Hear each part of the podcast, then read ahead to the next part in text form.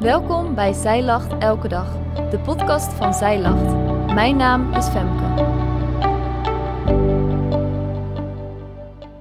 Dit is de overdenking van 26 september, geschreven door schrijfster Suzanne Verschoor. Deze avond beleeft Jezus zijn laatste momenten als vrijman, voordat hij gearresteerd zal worden. Alles in zijn bediening heeft geleid naar de lijdensweg, die op het punt staat te beginnen. Hij weet wat hem te wachten staat, maar hij weet ook dat hij het moet doen en dat alles zal gaan zoals hij heeft gezegd. Het volledige Bijbelgedeelte voor vandaag is Marcus 14, vers 27 tot 52.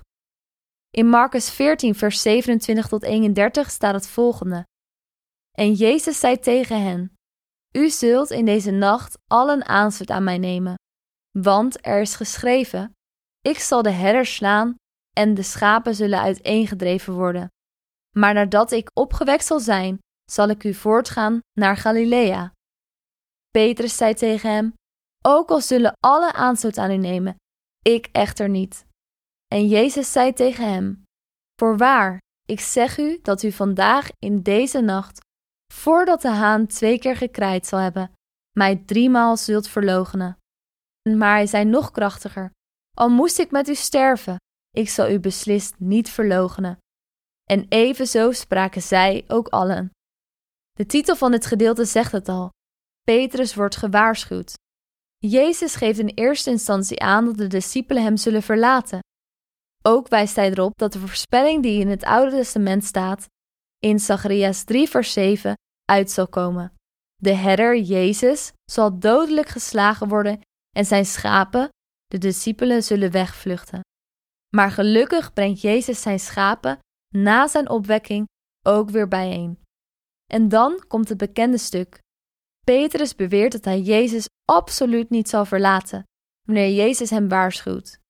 Juist Petrus zal die nacht tot drie keer toe ontkennen dat hij bij Jezus hoort. Wat kunnen wij als mensen soms trots en verblind zijn?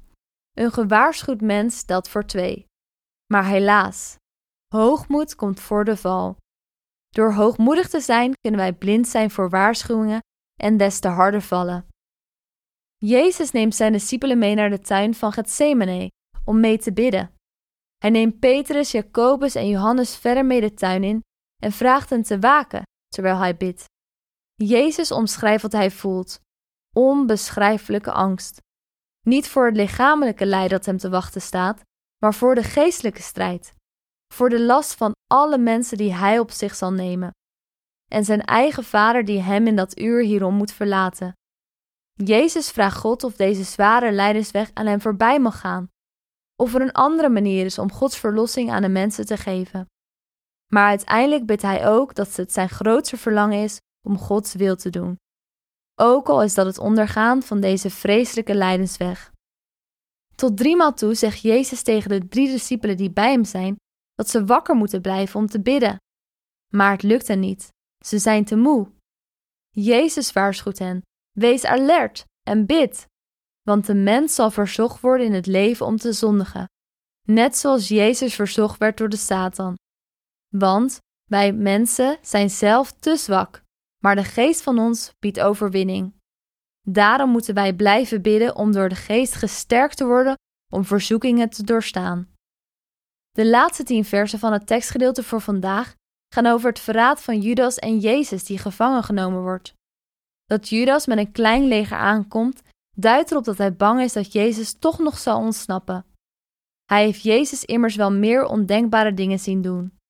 Daarnaast verraadt hij Jezus met een kus, wat betekent dat niet iedereen uit het kleine leger wist hoe Jezus eruit zag. De kus was geen gewone groet, maar een eerbetoon aan een rabbi. Op deze manier gebruikte Judas een in die tijd eerbiedig gebaar om zijn meester aan te wijzen en te verraden. Jezus spreekt hen aan op de wijze waarop zij hem arresteren, alsof hij een misdadiger is. Meerdere dingen die voortgezegd waren, komen op dit moment uit.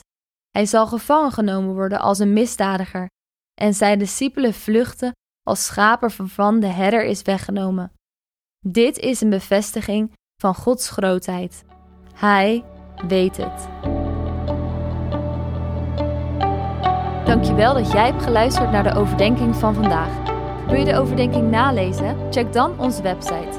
Je vindt er ook meer toffe dingen die jou helpen om de Bijbel vaker te openen, zoals boeken, Bijbels, cursussen en evenementen. Morgen ben ik weer bij je terug met een nieuwe overdenking. Tot dan!